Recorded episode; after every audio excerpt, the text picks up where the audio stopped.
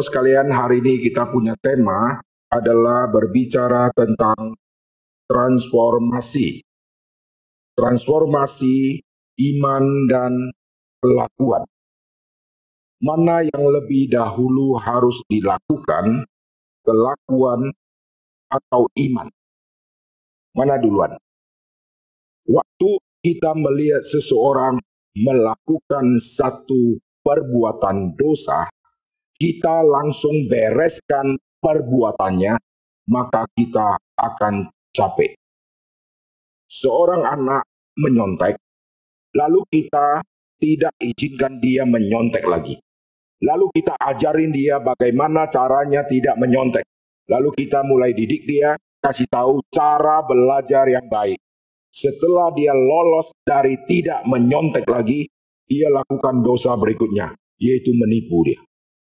Setelah kita bereskan yang nyontek, sekarang muncul dosa baru. Dia suka menipu. Kita bereskan lagi yang menipu. Nanti dia mencuri. Sudah bereskan yang mencuri, nanti dia mulai ngerjain teman-temannya. Kenapa? Karena selesaikan dosa perbuatan tidak pernah akan selesai. Jadi yang paling utama yang harus dibereskan adalah bereskan dari dalam. Amin. Jikalau yang dari dalam sudah dibereskan, maka nanti perbuatan yang keluar akan mencerminkan apa yang ada di dalam. Waktu Adam dan Hawa, mereka dicobai oleh setan, lalu mereka mulai jatuh ke dalam dosa pada saat mereka petik buah atau pada saat mereka sudah petik lalu mereka makan atau pada saat sudah petik, makan, punya, telan. Kapan mereka disebut berdosa? Tuhan bilang kalau kau makan buah ini, kau pasti akan mati. Lalu kalau dia petik, lalu dia lepaskan kembali, dia buang, dia dosa tidak. Dia petik, dia punya, belum sempat telan, dia muntahkan, dia dosa tidak. Lalu dia petik, dia kunyah, dia telan, dia dosa tidak. Kapan dia disebut dia berdosa? Kapan? Dia petik, berdosa tidak? Dia lepaskan, dia tidak makan. Kan Tuhan bilang, kalau kau makan, kau pasti mati. Aku masih petik, aku lepaskan. Dosa tidak? Itu saya. Lalu dia sudah petik, dia sudah makan, tapi belum telan. Dia buang lagi. Dia dosa tidak? Maksud saya, lalu kalau dia petik, dia kunyah, dia telan. Wah kita berkata, lu sudah telan, sudah masuk ke dalam. Lu sudah berdosa. Alkitab mengatakan tidak. Kapankah mereka berdosa? Pada saat sebelum petik. Kapankah itu? Pada saat mereka memikirkan aku akan ambil. Untuk apa? Supaya aku dapatkan buah ini dan aku mau menjadi Tuhan. Saat itu mereka sudah berdosa. Kenapa? Karena firman Tuhan berkata, kau makan kau akan mati. Tapi setan berkata, kau makan kau tidak akan mati. Kalau kau makan, kau tidak akan mati. Kau akan menjadi seperti Tuhan. Begitu dia mengambil keputusan mengikuti yang setan, saat itu dia sudah berdosa. Setuju? Lalu karena sudah berdosa, maka yang dia lakukan adalah perbuatan dosa. Jadi dari dalam hati itu yang akan keluar semuanya. Kalau hati busuk, yang keluar juga busuk. Sudah melihat orang setiap perkataannya mengandung pedang, pedang, pedang, pedang, pedang. Dan tidak pernah ada damai dalam diri orang itu. Hatinya ada yang tidak beres. Tapi kalau di dalam diri orang itu, hatinya penuh dengan shalom, maka kalimatnya yang keluar penuh dengan damai sejahtera. Sehingga kita senang dengar kalimat dia. Tapi kalau hatinya busuk, keluar semua kalimat yang isinya juga busuk. Meskipun ada kata shalom, tapi shalom dikatakan dengan motivasi yang tidak benar. Jadi kapankah Adam dan Hawa mereka jatuhkan dosa? pada saat mereka setuju. Saat siapa setuju? Hawa setuju, yaitu Hawa akhirnya ambil. Lalu bagaimana dengan Adam? Adam juga setuju. Alkitab catat, Hawa waktu ambil buah itu, Hawa akhirnya memberikan kepada Adam yang ada bersama dengan dia. Jadi Adam ada di lokasi itu pada saat Hawa dicobai. Kenapa Adam diam? Karena Adam setuju. Adam kepala keluarga, Adam yang harus menghentikan Hawa, kau tidak boleh dengarkan setan. Tapi Adam tidak melakukan tugas sebagai seorang kepala keluarga.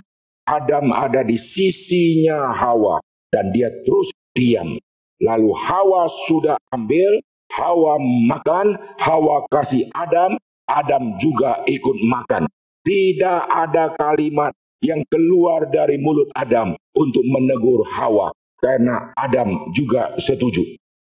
Jadi sebelum petik, mereka berdua sudah jatuhkan dosa, yaitu mereka sudah memikirkan, aku lebih mau ikut yang setan daripada ikut yang Tuhan. Ini semua cara melihat mana dosa dan mana tidak dosa berbeda dengan dunia. Dunia menilai orang berdosa sama tidak berbeda. Dunia diwakili oleh pengadilan pengadilan memfonis seseorang bersalah kalau dia lakukan. Contoh, saya sebagai hakim, lalu ada kasus yang sudah diserahkan, lalu yang sudah disidangkan, sekarang saatnya akan difonis. Maka sebelum difonis, perlu penyelidikan-penyelidikan. Penyelidikan perlu ada saksi mata. Saksi mata perlu didatangkan satu-satu, lalu bukti forensik mesti disiapkan, lalu barang hasil curian mesti disiapkan. Ini kalung emas. Milik siapa? Milik ibu ini. Betulkah kalung ini milik ibu? Betul. Bila perlu ada surat bukti pembelian, lalu sah betul barang ini. Sekarang kenapa bisa jatuh ke tangan kamu? Kamu mencuri. Tidak Bapak, tidak. Dua saksi didatangkan. Saksi itu mengatakan, betul, kami melihat sendiri. Ini ada fotonya misalnya. Lalu karena sudah lakukan, ada saksi mata, ada barang bukti, ada yang kena jambret, lalu hakim memutuskan kau bersalah. Tok, tok, tok. Tiga tahun penjara. Hakim tidak pernah memfonis orang dengan kalimat begini. Kamu terbukti melakukan kesalahan. Lalu ditanya sama terdakwa. Mana barang buktinya? Barang bukti belum ada. Mana saksi? saksi belum ada. Lalu kenapa saya ditahan dan mau difonis? Karena tadi malam kau memikirkan besok mau mencuri, maka kau dihukum tiga tahun. Ada? Bisakah pengadilan memfonis orang, lalu dia fonis karena tadi malam kau merencanakan pembunuhan, maka hari ini kau difonis. Mana barang buktinya? Pisau tidak ada, objek yang saya bunuh tidak ada, saksi mata tidak ada, lalu saya hanya memikirkan, lalu kau kau tahu Kau mau hukum aku? Tidak bisa hukum orang seperti ini. Maka dunia menilai jahat dan tidak jahat ini berbeda. Kekristenan menilai yang jahat sama tidak jahat berbeda dengan cara dunia. Sebelum engkau melakukan yang kau pikir di dalam hati yang jahat, kau sudah berdosa. Maka kita bereskan kelakuan dulukah atau bereskan yang di dalam dulukah? Jawabannya, prinsip utama, bereskan yang ada di dalam. Keselamatan yang Yesus lakukan adalah bereskan yang ada di dalam, yaitu hidup manusia yang penuh dengan kegelapan itu diterangi dulu. Yesus tidak bereskan, kau suka menipu, lalu bereskan yang menipu. Kau suka mencuri, bereskan yang mencuri. Capek susah. Kenapa bisa lakukan semua kejahatan yang seribu satu macam itu? Karena hatinya penuh dengan kegelapan dosa. Maka karena hidup di dalam gelap, perbuatannya adalah perbuatan yang menghasilkan buah-buah kejahatan. Lalu selamatkan orang itu, selamatkan, bereskan yang dalam. Maka setelah bereskan yang dalam, dari dalam sudah bersih, maka keluarlah semua kalimat-kalimat dan kelakuan yang bersih. Demikian juga transformasi iman sama transformasi perbuatan. Harus terlebih dahulu dilakukan adalah transformasi iman. Jikalau seseorang melakukan kejahatan, kita melihat kenapa dia bisa begitu jahat. Alasannya cuma satu, karena fakta dosa di dalam hatinya belum diselesaikan, belum dibawa kembali kepada Tuhan, dan hatinya belum diterangi. Lalu iman dia kepada apa? Iman dia kepada konsep Tuhan yang salah. Karena konsep Tuhan yang salah, maka akhirnya perbuatan dia dia akan lakukan sesuai dengan konsep iman dia yang salah. Kalau dia percaya setelah saya membunuh orang, nanti saya disambut bidadari di surga, itu konsep iman dia.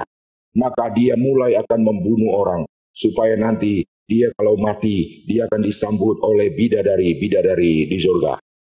Maka kalau saudara mengimani sesuatu lalu salah imani, saudara akan menyesal di kemudian hari.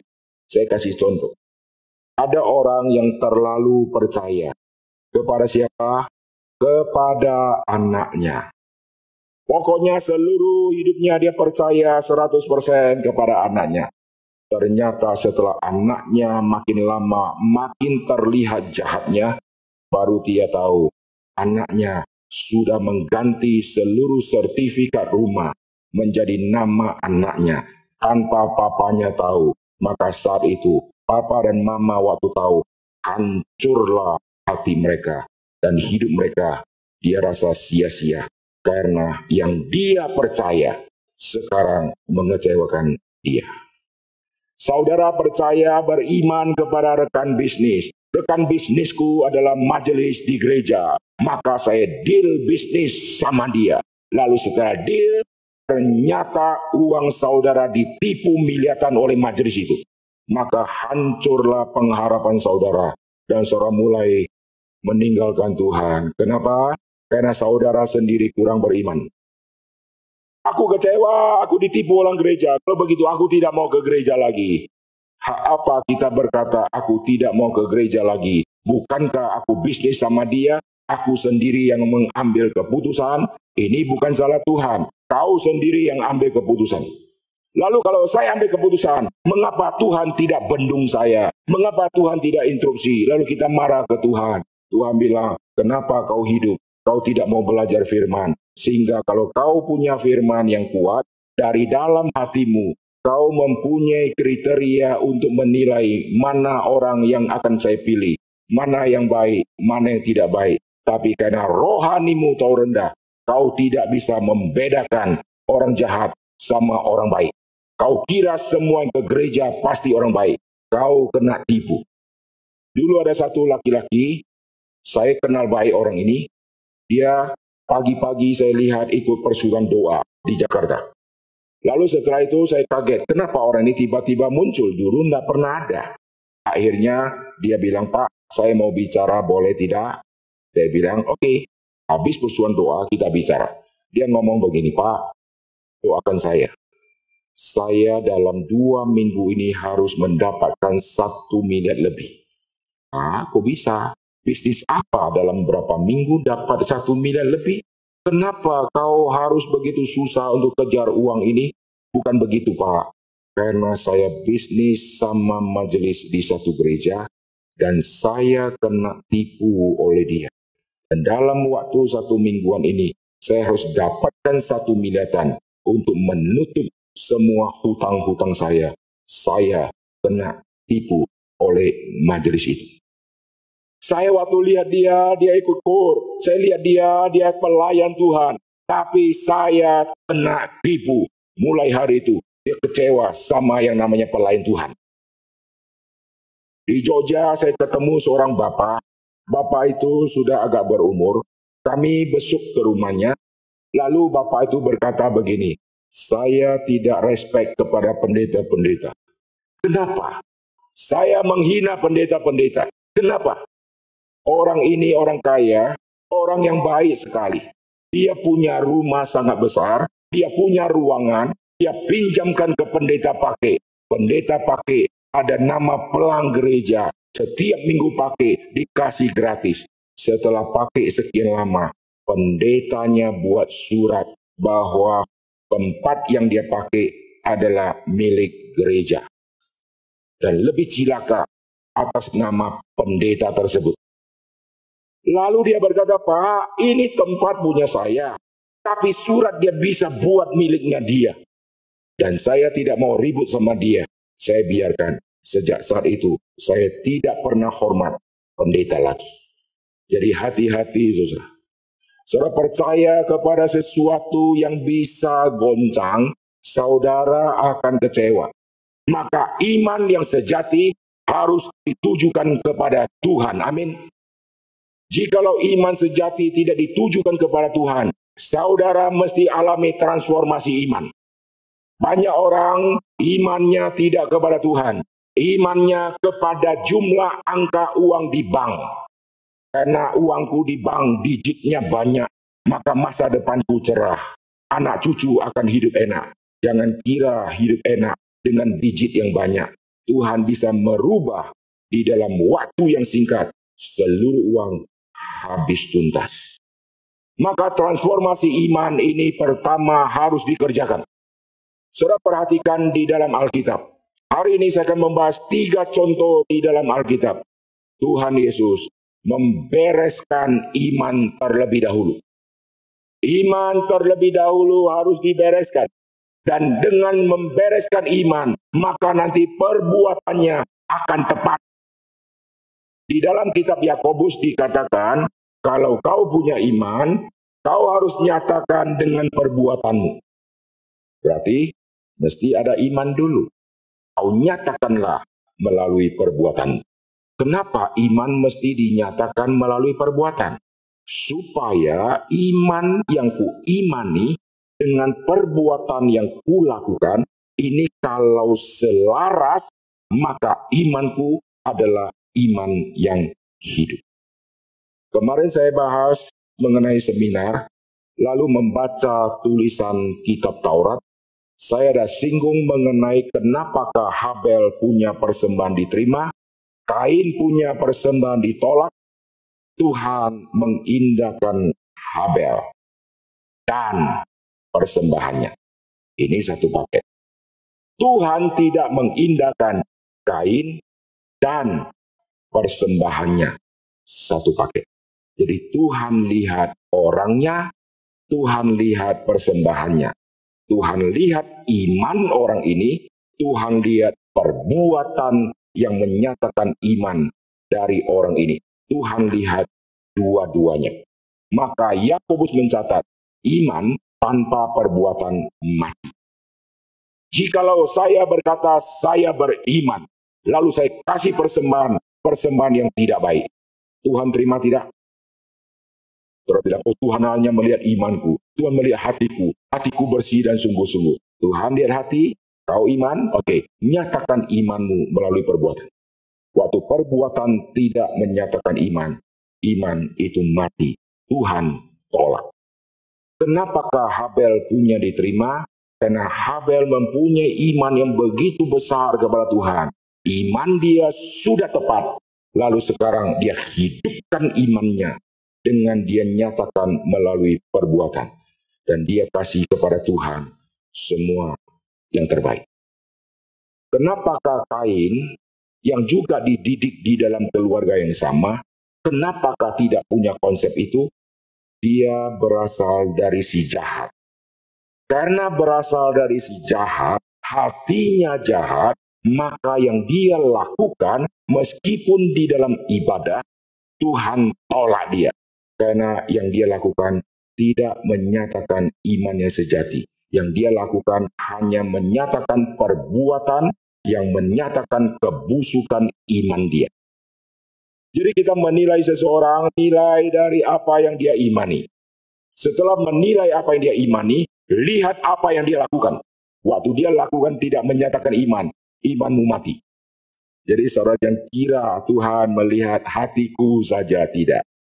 Jangan kira Tuhan melihat jumlah persembahanku saja tidak. Tuhan melihat dua-duanya. Kenapakah janda miskin dipuji? Karena janda miskin hidupnya sudah begitu susah, sudah begitu miskin, hidup dan mati dia, tidak ada yang tahu, lalu makanan sudah sedikit, uang sisa sedikit, dan iman dia besar. Dia percaya Tuhan memelihara. Dan dia kasih uang yang ada padanya, dia kasih kepada Tuhan. Siapa yang mengatakan kasih kepada Tuhan, Tuhan balikkan seratus kali lipat. Kalau janda yang miskin dikasih kepada Tuhan, Tuhan balikkan seratus kali lipat. Maka janda ini jadi janda kaya. Tapi Alkitab mencatat, setelah Yesus memuji janda ini, tidak pernah dicatat Yesus memberkati janda ini dengan seratus kali lipat. Janda ini tetap miskin. Dia miskin secara uang, tapi dia kaya secara rohani. Dan khotbah tentang janda miskin dikhotbahkan di seluruh dunia. Meskipun uang sedikit, tapi dia kaya secara iman dan perbuatan. Amin. Banyak orang kaya, dia kayanya materi, tapi miskinnya di rohani. Kalau rohaninya miskin, maka perbuatan yang menyatakan imannya pasti miskin. Meskipun dia dermawan, dia kasih persembahan ke panti asuhan. Dia kasih persembahan ke tunanetra. Dia kasih persembahan ke panti jompo. Yang dia lakukan karena dia berikan semua itu dari kelebihan uangnya. Tapi janda miskin berikan persembahan dari kekurangan dia. Ini yang Tuhan lihat. Imanmu luar biasa. Kalau kita memberikan dari kelebihan, terlalu gampang. Karena lebih. Oh berkat Tuhan lebih, maka ku kasih sebagian. Oh gampang. Coba waktu berkat Tuhan belum turun-turun. Kasih tidak? proyek belum dapat, kasih tidak, lalu kita negosiasi. Tuhan, kalau proyek ini goal, maka 20% kusumbangkan untuk pembangunan gereja. Enak, lu sogok Tuhan 20%, 80% lu ambil. Oh, ini bisnis yang cuan, saudara. Untung besar. Coba ngomong, Tuhan, kalau proyek ini goal, 100% keuntungan, ku kasih ke Tuhan. Saudara bilang, tunggu saatnya. Kalau stok cadangan uangku sudah banyak, oke lah proyek berikutnya 100% ku kasih ke Tuhan. Kalau proyek ini goal 200 M, 20% ku kasih untuk Tuhan. Itu bisnis yang cuan, karena kita sudah dapat 80, kita ancam Tuhan kalau goal. Kalau jadi, maksudnya kalau tidak jadi, maaf, satu persen pun tidak ku kasih untuk kau Tuhan. Jadi Tuhan diancam, lu mau kasih gol 20 persen, cicak pun untuk lu tuh, cicak pun, gua pecah. Wah, ini bisnis-bisnisan sama Tuhan. Manusia di dalam hidup dia, kalau Tuhan kasih nilai, maka banyak kita yang tidak lulus di dalam penilaian Tuhan. Oleh sebab itu jadi orang Kristen jangan sombong. Yang kita lakukan untuk Tuhan, banyak yang kita tidak lulus. Karena standar Tuhan sangat tinggi. Oke, transformasi iman. Kalau imanku kutaruh kepada sesuatu yang salah, hari ini mesti minta transformasi dari Tuhan. Di dalam Alkitab kita melihat Yesus akan melayani orang-orang yang begitu banyak, begitu variasi, kota-kota, desa-desa. Nanti ada kasus-kasus tertentu Yesus memunculkan orang-orang yang mempunyai iman yang luar biasa dengan Yesus puji orang itu sehingga seluruh orang yang membaca cerita tentang itu mereka menyoroti lihat orang itu luar biasa orang itu digerakkan oleh iman yang sangat besar poin pertama yang saya mau singgung mari kita lihat di dalam Alkitab saya akan bahas tiga contoh di dalam Alkitab. Nanti setelah tiga contoh, saudara evaluasi. Saudara ada di nomor yang keberapa. Mari kita lihat, saya ajak saudara melihat Matius pasal yang ke-8. Ayat yang ke-28. Oke, saya akan bacakan ayat ini Nanti saya akan ajak saudara membandingkan dengan Markus pasal yang kelima. Pasal ke-8 Matius ayat 28. Setibanya di seberang, yaitu di daerah orang Gadara. Datanglah dari perkuburan dua orang kerasukan setan menemui Yesus. Matius seorang pemucukai, maka dia sangat teliti dengan jumlah angka dan orang yang ada di situ yang sedang kerasukan, Matius kasih semuanya berjumlah dua orang. Lalu lihat, dua ini sangat berbahaya, tidak ada orang berani lewat jalan di situ.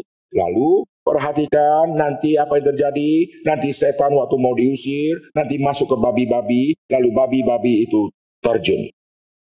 Setelah babi-babi terjun, setan sudah diusir, Yesus diusir. Kira-kira ceritanya begitu. Saya tidak membahas cerita ini detail, saya mau soroti lihat dua orang. Sekarang perhatikan Markus pasal yang kelima. Markus pasal yang kelima ini mencatat satu orang. Ayat yang pertama.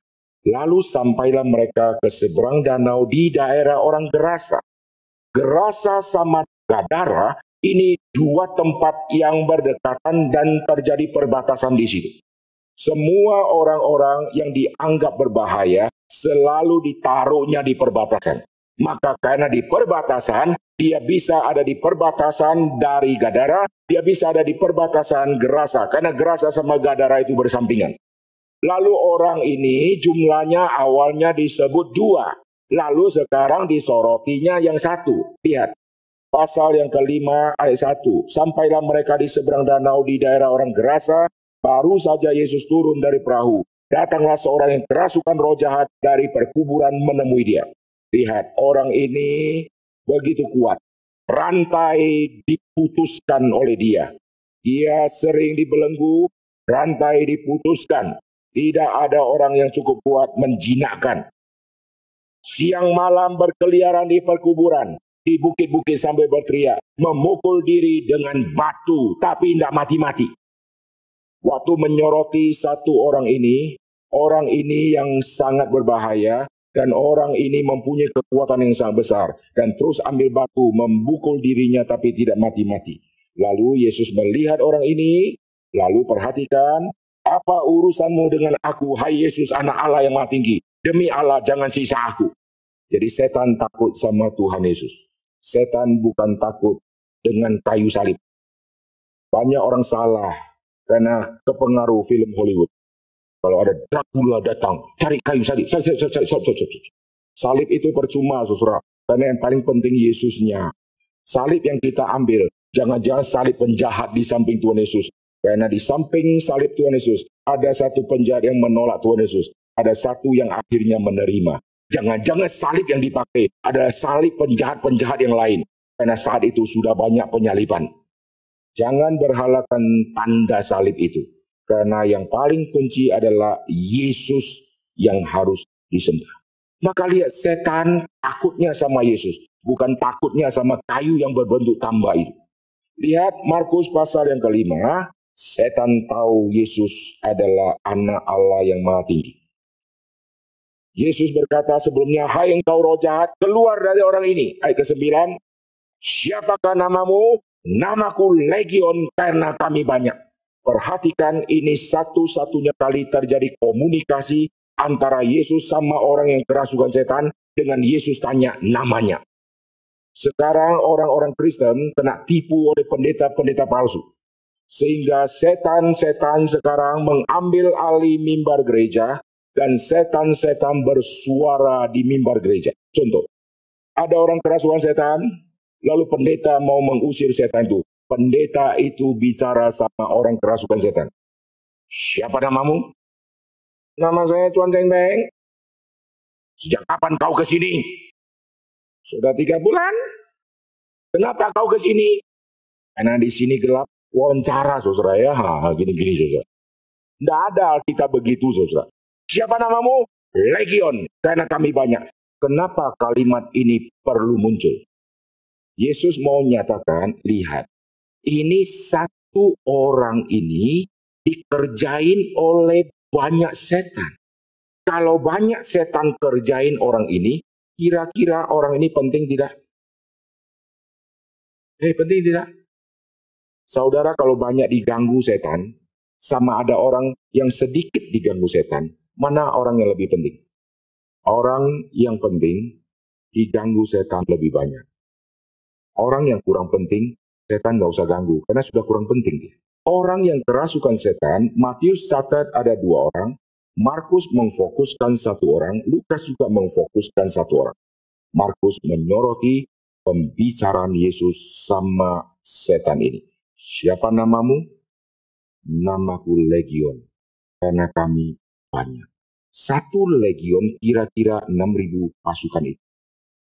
Jadi bayangkan, Maria Magdalena ada tujuh roh jahat saja sudah pusing kepala kita ya. Satu saja sudah pusing kepala nih tujuh. Apalagi satu legion saudara.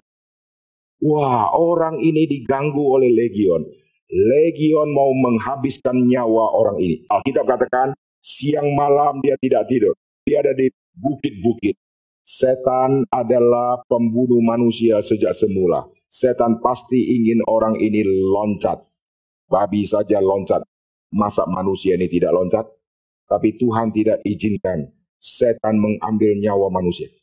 Maka waktu Ayub dicobai, Tuhan bilang, jangan kau ambil nyawanya. Karena setan akan ambil nyawa orang-orang terpenting. Orang yang kerasukan setan ini disoroti ada satu yang penting. Yang satu yang penting, dia jalan-jalan di bukit-bukit tapi tidak jatuh-jatuh, tidak mati-mati. Lalu setan mau matikan dia, caranya pukul dirimu dengan batu. Dengan batu-batu darah keluar. Waktu darah keluar nanti infeksi kau akan cepat mati. Tapi Tuhan tidak izinkan dia mati. Karena orang ini disiapkan menjadi hamba Tuhan. Betapa pentingnya orang ini, setan mengetahui orang ini sangat penting. Maka setan ganggu dulu. Nanti orang ini setelah legion diusir keluar, orang ini datang kepada Tuhan Yesus, mau mengikuti Tuhan Yesus. Yesus tidak izinkan orang ini mengikuti. Siapakah orang yang dibebaskan dari setan itu? Alkitab catat dua-duanya dibebaskan.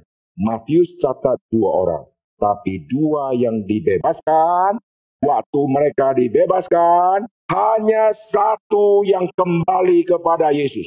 Kenapa bisa kembali ke Yesus? Karena dia tahu Yesus yang menyembuhkan aku. Imanku sekarang dipulihkan. Aku sudah sembuh. Aku sembuh bukan sembuh dari penyakit, tapi sembuh dari gangguan setan yang begitu banyak. Lalu untuk satu orang yang disembuhkan ini, ditambah ada satu lagi, tapi satu itu sembuh tidak ada signifikan apa-apa. Hanya satu yang kembali. Jadi banyak orang terima anugerah Tuhan. Banyak orang boleh dapatkan pengajaran terbaik. Nanti waktu aplikasi dia lakukan perbuatan, dia tidak menyatakan iman yang sejati. Dia hanya mau saya beriman kepada Tuhan karena cuan. Percaya Yesus, Nanti Yesus jaga cuan, cuan.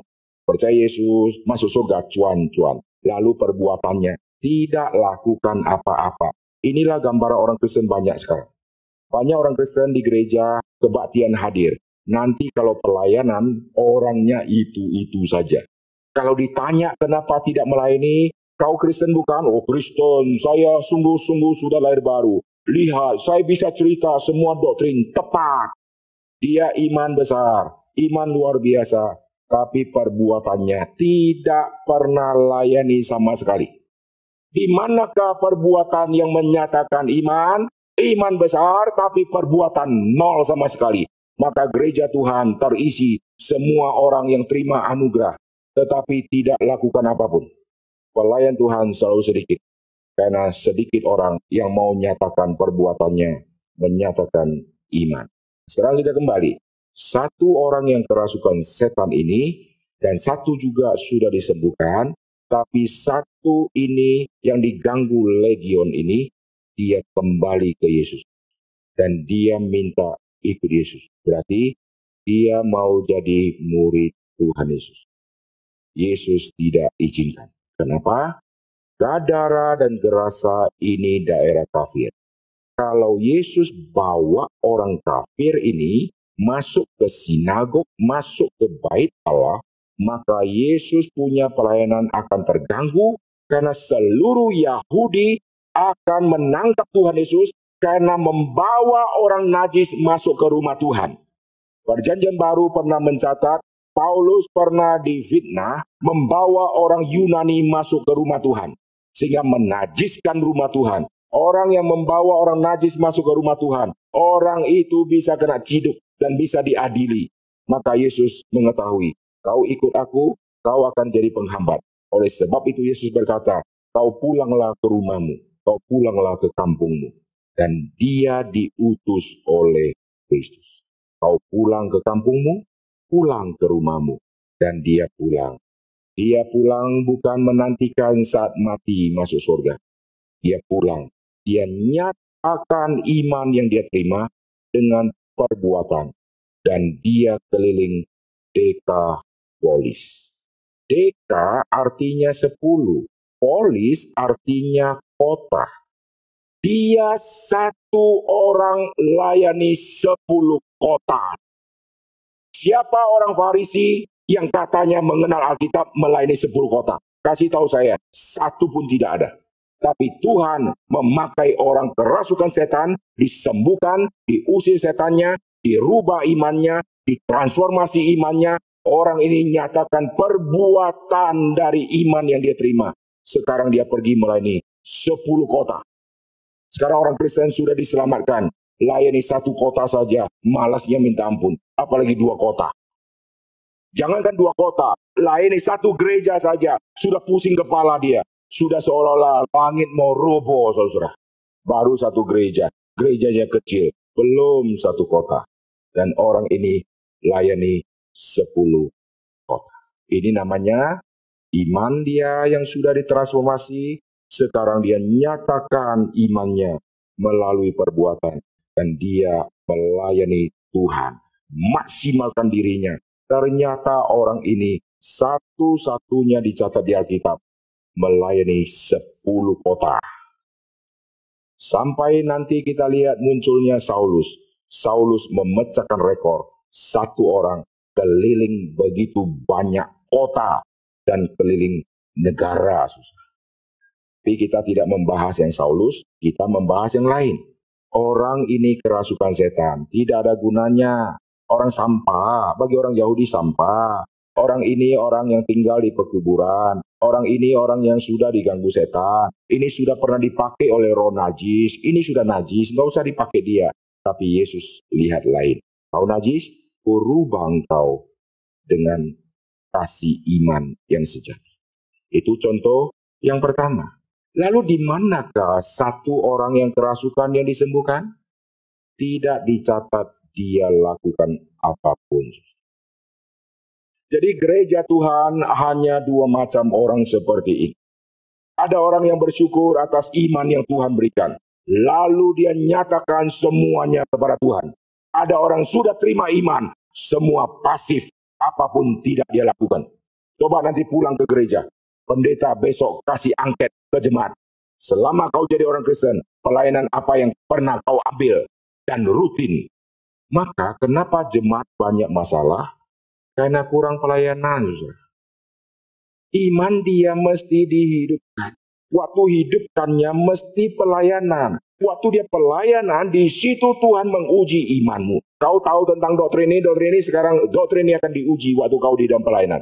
Sehingga waktu dia pelayanan, Tuhan waktu menguji dia, iman dia lulus, dia lulus, dia lulus. Makin dia lulus, makin dia dewasa rohani. Dengan makin dewasa rohani, maka konflik akan semakin sedikit. Gereja Tuhan kalau ribut, masalah kecil-kecil, ini masalah anak-anak kecil, kayak anak kecil rebutan boneka. Di gereja juga sama, rebutan kursi majelis, sama susah. Kayak anak kecil rebutan kursi mau duduk makan, sama susah. Kenapa? Karena masih kanak-kanak. Rebutan, hari ini mestinya saya song leader, kenapa jadi dia? Wah, kayak anak-anak rebutan boneka. Ini punya saya, kenapa kau ambil? Ada orang pelayanan, kalau diganti, dia marah luar biasa. Ini menyinggung identitas diriku. Wah, luar biasa. Lalu yang ganti, dia bukan sengaja. Dia kira ternyata dia salah jadwal. Susah. Lalu hanya salah seperti itu. Ributnya besar. Ada liturgis yang salah baca ayat. Lalu disidangkan. Sinode sudah menetapkan ayat-ayat yang dibaca setiap tahun. Setiap minggu ayatnya apa, apa, apa, khotbahnya apa. Kenapa kau baca ayat lain? Kenapa tidak lapor? Kau melanggar sinode punya aturan. Wah nanti disidangkan. Yang kecil-kecil, kecil-kecil kayak gitu. Diributkan, hanya perang susah. Gereja mau dicat warna putih atau orange atau hijau atau hitam. Rapat majelis tiga bulan. Tidak selesai-selesai. Hanya bicara cat dan harga cat dan toko cat. Tiga bulan ngurusin cat. Lalu kursi hadap ke depan atau hadap ke samping mimbar mau lebih tinggi berapa berapa rapat tiga bulan tidak selesai-selesai. Inilah kerjaan gereja yang kanak-kanak. Kenapa? Karena iman dari semua orang yang sudah terima, jemaat-jemaat yang sudah beriman, tidak dihidupkan imannya karena tidak terjun di dalam pelayanan. Itu poin pertama, contoh yang pertama. Sekarang kita lihat contoh kedua, Lukas pasal yang ke-17. Perhatikan Alkitab mencatat tentang 10 orang kusta. Saya baca 10 orang kusta ini. Ayat ke-11. Dalam perjalanannya ke Yerusalem, Yesus menyusur perbatasan Samaria dan Galilea. Kenapa Yesus lewat daerah itu? Daerah itu daerah najis dan orang kusta hanya tinggal di perbatasan. Jadi untuk bertemu dengan orang kusta, Yesus sengaja masuk ke perbatasan. Ketika ia memasuki suatu desa, datanglah sepuluh orang kusta menemui dia. Oke? Mereka tinggal berdiri agak jauh dan berteriak, Yesus Guru kasihanilah kami. Kenapa mesti berdiri agak jauh? Di dalam hukum Yahudi, orang kusta dia harus memakai baju yang cabik-cabik, baju yang sobek-sobek. Bukan karena dia tidak ada baju bagus. Dia pakai baju bagus pun bajunya harus disobek-sobek. Supaya orang kalau lewat dari jauh dia lihat kalau ada orang yang bajunya sobek, orang langsung tahu orang itu kena kusta. Maka dari jauh saya bisa tahu dia kena kusta atau tidak dari cara dia pakai baju. Kedua, kalau saya tidak jelas lihat bajunya, saya sudah semakin dekat, maka orang kusta itu yang harus bunyikan ringtone. Najis, najis, najis itu ringtone-nya saudara ya. Saya najis, saya najis maksudnya apa? Lu jangan dekat-dekat, lu jangan dekat-dekat. Aku najis, aku najis. Kau harus menjaga jarak. Kau tidak boleh dekat-dekat. Karena orang Yahudi punya konsep, kenajisan dari seseorang bisa pindah ke orang itu kalau terjadi persentuhan. Lalu lebih hebat lagi, tidak sentuh tapi bisa tularkan kenajisan.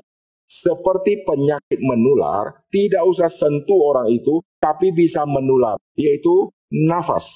Itu bisa tularkan penyakit melalui angin. Lalu orang lain bisa kena. Dan orang Yahudi punya konsep, kenajisan di orang kusta bisa turun ke orang lain karena dihantar oleh angin.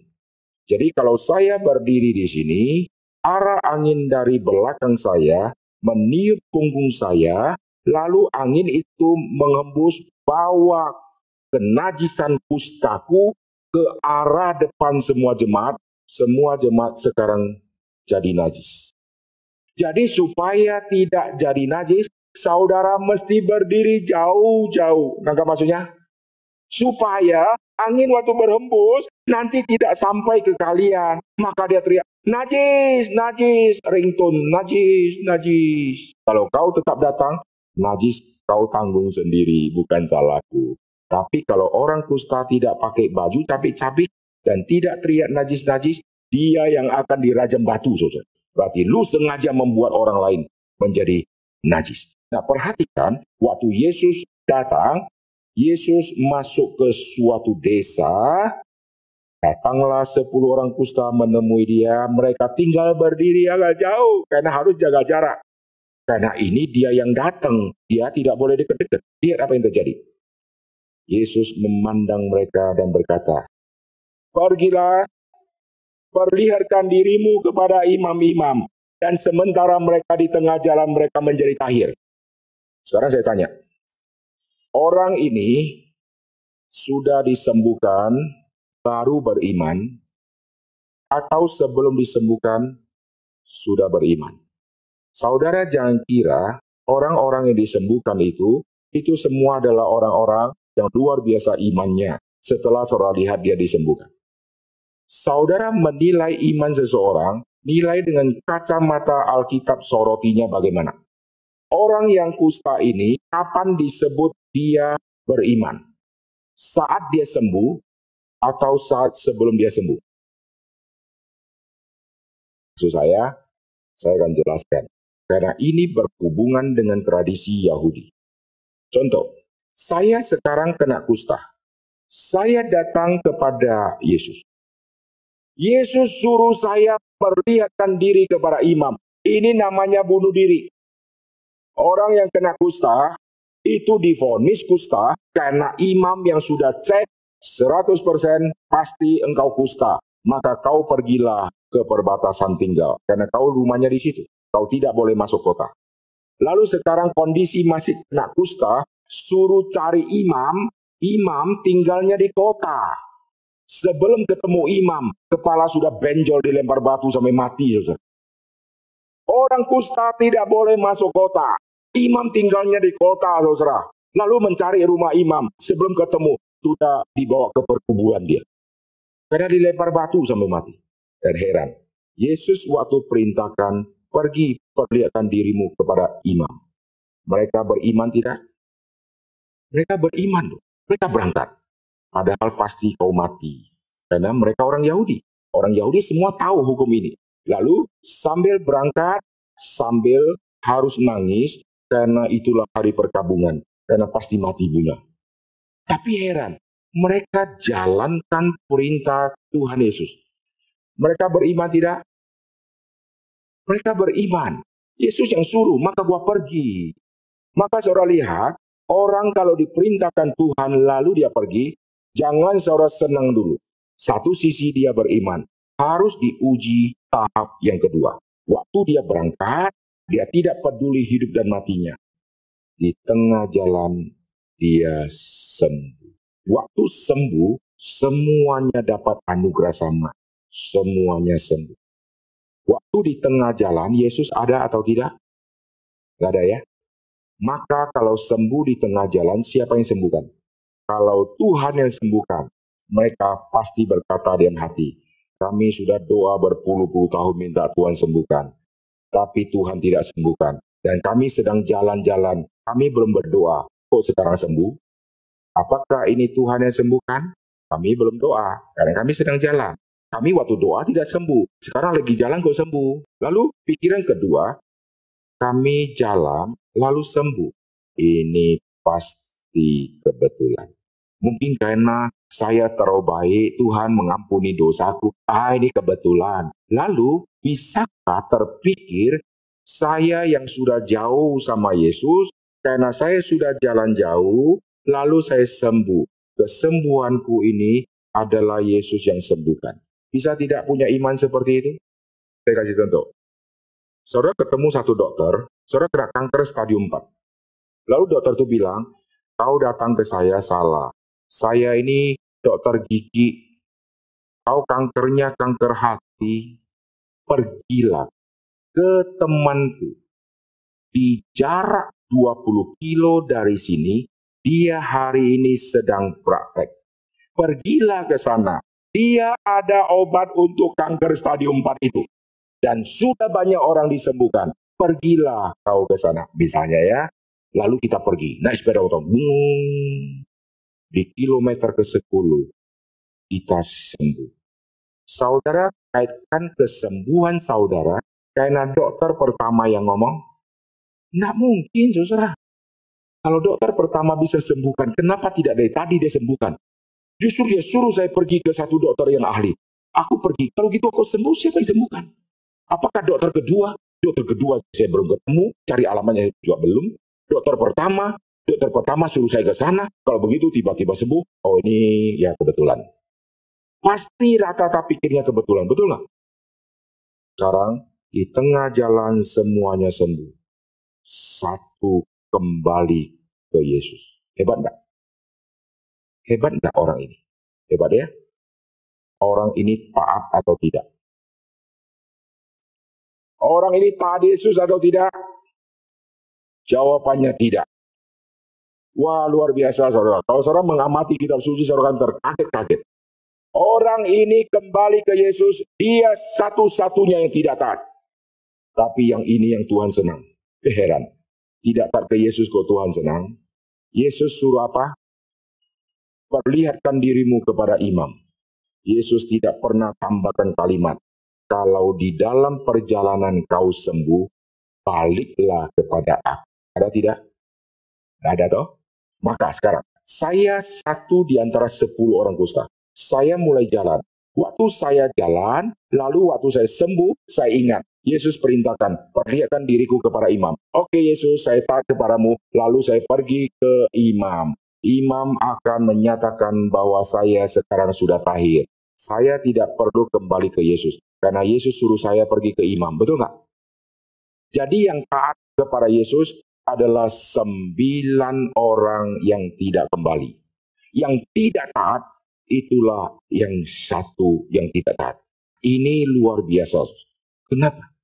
Karena satu ini di tengah jalan dia berpikir saya ke imam berarti mengikuti Taurat. Karena ajaran Taurat saya dinyatakan tahir hanya oleh imam. Tetapi imam tidak pernah bisa menyembuhkan. Imam bukan Tuhan. Kusta datang dari Tuhan. Kusta juga diangkat oleh Tuhan. Orang-orang Yahudi percaya kusta adalah pemberian dari Tuhan kepada orang jahat. Dan kusta adalah pemberian dari Tuhan, sekaligus hanya Tuhan yang bisa sembuhkan. Jadi di tengah jalan aku sembuh, aku pergi ke imam, bukan jasa imam. Imam hanya konfirmasi. Imam tidak pernah bisa menyembuhkan. Yang menyembuhkan aku adalah Tuhan. Lalu Tuhan yang mana? Sekarang dia kembali ke Yesus. Dan dia mengetahui iman dialah yang menarik dia untuk kembali kepada Yesus. Lalu waktu dia kembali kepada Yesus, Yesus tanya, di manakah yang sembilan itu? Ini kalimat persis di Taman Eden. Di manakah engkau? Adam terhilang. Di manakah yang sembilan? Sembilan terhilang. Mereka kira mereka taat menjalankan Taurat sudah cukup. Mereka lupa Kristus melampaui Taurat. Kristus adalah Tuhan yang menyatakan engkau akhir atau tidak. Bukan imam yang pegang otoritas, tapi Tuhan yang pegang otoritas. Yesus pernah menyembuhkan orang kusta. Yesus berkata, Aku mau jadilah engkau tahir. Yesus yang konfirmasi orang kusta tahir atau tidak. Imam waktu menyatakan tahir atau tidak, imam ngecek-ngecek ini panu atau bukan. Imam tidak bisa sembuhkan. Dia cek lagi, oke okay, berapa hari lagi kamu balik lagi ya, lihat-lihat ini panu atau kudis atau kadas. Ini berita apa nih? Lalu cek-cek. Setelah cek-cek, oh ternyata oke, okay, benar. Kamu sudah sembuh. Hanya ngecek tok. Tidak pernah mentahirkan. Tapi Yesus pernah tahirkan orang yang kena kusta. Aku mau jadilah engkau Nah di tengah jalan, Yesus tidak ada di situ, tapi satu ini mempunyai iman yang luar biasa. Iman dia, iman yang hidup, mendorong dia melakukan perbuatan jalan balik cari Tuhan Yesus.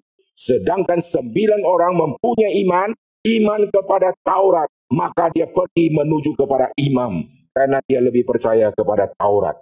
Maka kalau saudara punya iman-iman yang salah, semua hidup saudara akan mengarah ke iman itu. Amin. Kalau saudara imannya tidak segera dibereskan, hidup saudara mengarah kepada tujuan yang sia-sia. Saudara mesti balik. Balik ke mana? Balik di mana Yesus ada. Dan akhirnya dia balik, lalu dia ketemu Tuhan Yesus. Yesus tidak bilang kepada dia, kau lupa ya pesan saya. Sudah aku kasih tahu, perlihatkan dirimu kepada imam. Pergi, pergi. Kenapa kau balik?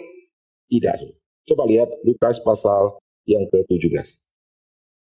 Waktu orang ini balik, ayat ke-15, seorang dari mereka ketika melihat bahwa ia telah sembuh, kembali sambil memuliakan Allah dengan suara nyaring. Dia tahu Allah yang menyembuhkan, Allah yang menyembuhkan, Allah yang menyembuhkan. Sambil jalan pulang, dia menuju ke Yesus. Karena dia tahu Yesus adalah Allah. Mari kita lihat. Lalu tersungkur di depan kaki Yesus. Tidak cari imam, tapi datang menyembah Yesus dia mengucap syukur kepadanya. Tadi dia memuji Tuhan karena Tuhan yang menyembuhkan. Sekarang dia datang tersungkur kepada Tuhan Yesus. Dan dia menyatakan satu sikap rohani yang luar biasa. Dia mengucap syukur kepada Yesus. Orang itu adalah orang Samaria. Lalu Yesus berkata, bukankah sepuluh tadi semuanya menjadi tahir? Lu jangan kira Yesus tidak tahu lu di tengah jalan sembuh semua. Karena Yesus Allah, saudara. Yesus tidak intip-intip, lalu jaga jarak, lihat sembuh enggak, sembuh enggak, sembuh enggak. Setelah sembuh, Yesus cuma balik-balik ke posisi awal, pura-pura enggak tahu. Yesus tahu, kalian semua sembuh di tengah jalan. Yesus yang sembuhkan mereka dengan jarak jauh. Kapan Yesus pernah lakukan hal ini? Matius pasal ke-8 hamba seorang perwira. Jangan Yesus datang ke tempat saya. Yesus bilang, aku mau ke tempatmu. Jangan, jangan, jangan. Aku tidak layak terima Yesus yang begitu agung. Engkau katakan satu patah kata saja.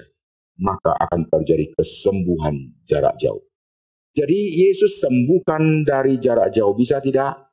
Oh bisa. Sepuluh orang kusta ini sekarang sembuh. Di manakah yang sembilan orang itu? Tidak adakah di antara mereka yang kembali untuk memuliakan Allah selain daripada orang asing ini? Lalu ia berkata kepada orang itu, berdirilah, pergilah, imanmu menyelamatkan engkau. Perbuatan dia menyatakan iman, maka iman dia sekarang iman yang hidup. Pergilah, imanmu menyelamatkan engkau. Banyak orang Kristen, dia berkata punya iman. Tapi sesungguhnya saya mau kasih tahu, orang Kristen yang punya iman, imannya pada dasarnya adalah mati. Karena belum dihidupkan dengan perbuatan yang menyatakan iman. Sepuluh kembali satu. Berarti berapa persen? Tadi yang dua, satu yang dipakai. Wah, 50 persen. Karena dua, satu yang dipakai toh. Satu tidak tahu ke mana, hilang dia. Tidak ada saksi apa pun yang dia kerjakan. Tapi satu menjadi saksi di Dekapoli. Sekarang sepuluh, lalu satu yang kembali. Berarti berapa? Berapa persen? Berapa? Sudah sedikit ya. Tadi 50 ya. Sekarang sisa jadi 10. Sekarang saya kasih contoh yang ketiga. Perhatikan contoh yang ketiga. Ini menarik. Setelah tiga contoh, saya akan simpulkan. Saudara masuk yang mana? Mari kita lihat di dalam Alkitab kita untuk melihat contoh yang ketiga. Lukas pasal yang ke-18 ayat yang ke-35. Ini mengenai menyembuhkan orang yang buta dekat Yeriko. Saya tidak bahas detail. Yeriko waktu itu ada Yeriko lama dan Yeriko baru. Jadi kadang-kadang nanti saudara akan bingung, Yesus masuk ke Yeriko. Yesus keluar dari Yeriko, tadi masuk ke satu keluar. Karena ada Yeriko yang lama dan Yeriko yang baru dari yang lama sekarang masuk ke yang baru. Kalau saudara pergi ke Israel, saudara masih bisa melihat ada model yang lama, yang kuno-kuno, sama model yang agak barunya. Sekarang kita lihat di ayat 35, waktu Yesus hampir tiba di Yeriko, ada seorang buta duduk di pinggir jalan. Oh kita dari sekolah minggu tahu lagu ini. Ada orang buta duduk minta-minta tiap-tiap hari di pinggir jalan gitu ya. Kita cuma tahu begitu. Waktu orang itu mendengar orang banyak lewat. Ia bertanya, Apa itu? Yesus orang Nazaret lewat.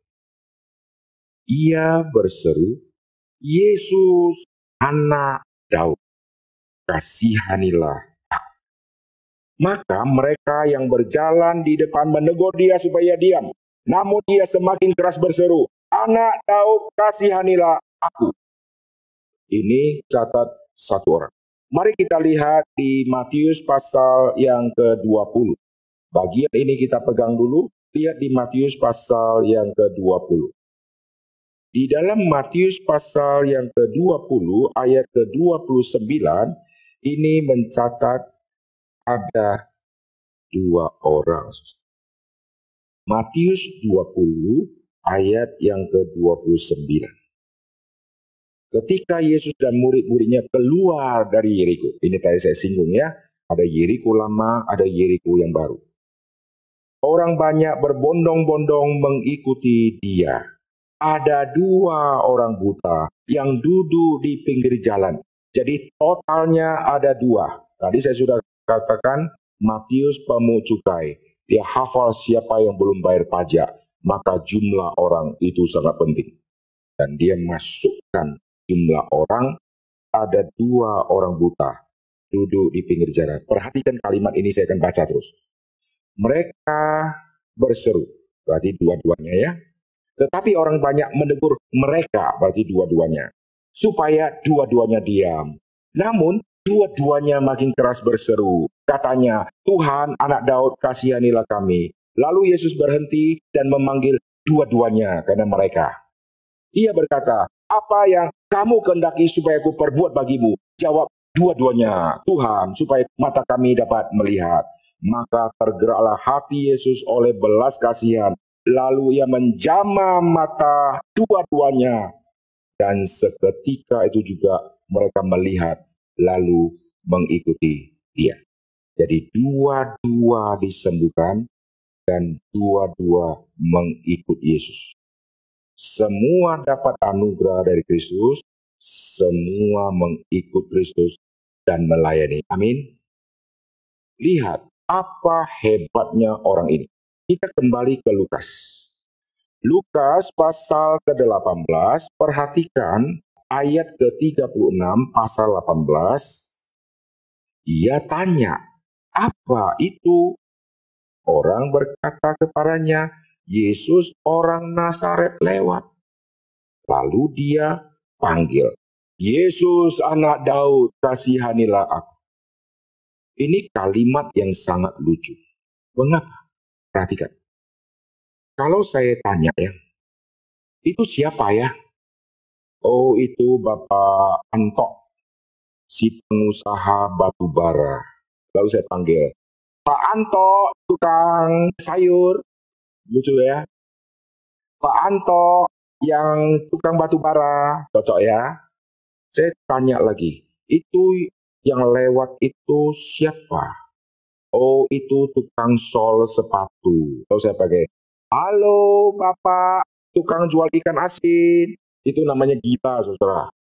Kalau saya tanya, itu siapa? Lalu dijawab tukang sol sepatu, maka saya panggilnya, Pak, tukang sol sepatu, saya mau panggil datang, maka klop. Perhatikan waktu dia tanya, siapa itu? Yesus orang Nazaret lewat. Kenapa dia tidak panggil Yesus? Yesus orang Nazaret, kasihanilah aku. Waktu dia dengar Yesus orang Nazaret, tapi mulut dia keluar Yesus anak Daud. Ini namanya iman yang dalam luar biasa. Kenapakah saya katakan orang ini imannya dalam? Orang ini sudah sembuh atau belum? Sudah sembuh atau belum? Belum. Jangan melihat orang yang sembuh baru beriman itu hebat. Sebelum orang itu sembuh, Lihat iman dia luar biasa. Tuhan menyoroti orang-orang kayak begini. Dan Tuhan munculkan di panggung sejarah melalui kitab suci yang masukkan tokoh-tokoh seperti ini. Jadi orang ini belum sembuh. Belum dapat anugerah Tuhan. Tapi iman dia luar biasa. Dia tidak bisa melihat, dia dengar. Siapa orang itu? Yesus orang Nazaret. Lalu dia panggil, Yesus anak Daud. Yesus dijuluki orang Nazaret. Di dalam Injil Matius, Yesus akan disebut orang Nazaret. Sekarang saya akan ajak saudara untuk melihat di dalam Injil Matius. Perhatikan Matius pasal yang kedua. Matius pasal yang kedua ayat ke-23. Kenapa Yesus harus pergi ke Mesir? Kenapa setelah keluar dari Mesir, kau tidak kembali ke Bethlehem? Kenapa perginya ke Nazaret? Karena Yesus harus disebut orang Nazaret. Ayat ke-23, setibanya di sana, ia pun tinggal di sebuah kota yang bernama Nazaret. Hal itu terjadi supaya genaplah firman yang disampaikan oleh nabi-nabi bahwa ia akan disebut orang Nazaret. Di manakah footnote Yesus orang Nazaret? Kasih tahu saya. Di dalam Alkitab disampaikan oleh nabi-nabi. Berarti PL harus ada ayat Yesus orang Nazaret. Waktu cari satu kata Yesus orang Nazaret tidak pernah ada di dalam seluruh perjanjian lama. Kalau begitu, nabi yang mana yang sampaikan? Tidak ada orang mengetahui. Di manakah itu selain dari orang yang tahu bahasa aslinya? Bahasa asli untuk kata Nasaret itu dipakai kata yang sama untuk kata tunas. Maka kita bersyukur teolog-teolog yang mendalami kitab suci, mereka belajar bahasa asli, mereka menguasai semua. Waktu mereka cari huruf ia tidak ketemu.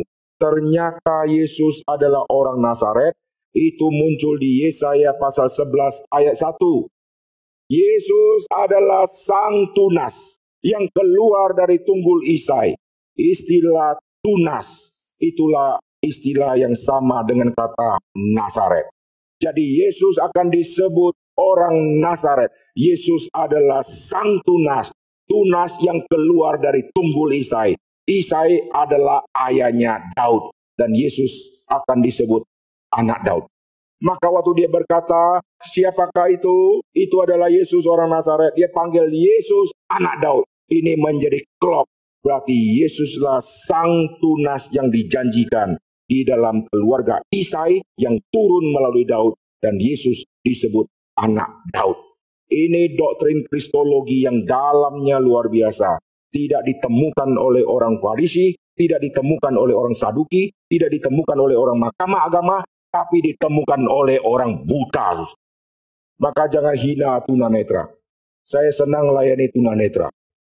Banyak orang-orang tunanetra yang mempunyai iman yang luar biasa. Mata mereka tidak melihat, tapi mereka bisa melihat dengan mata tertutup.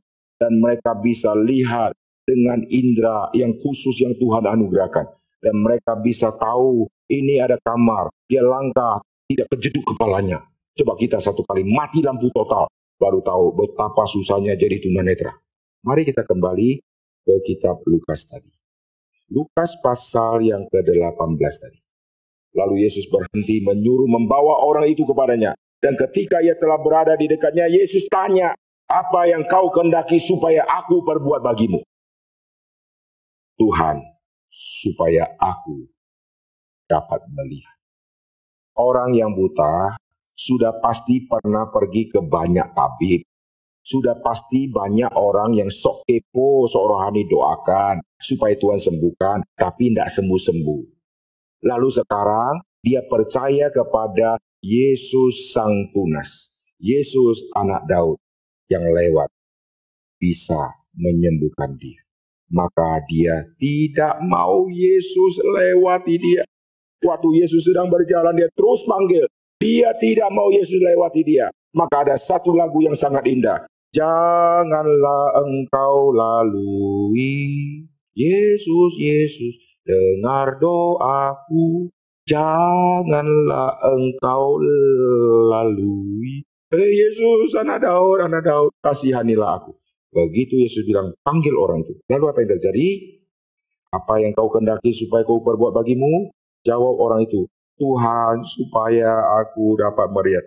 Lalu kata Yesus kepada dia, Melihatlah engkau, imanmu telah menyelamatkan engkau.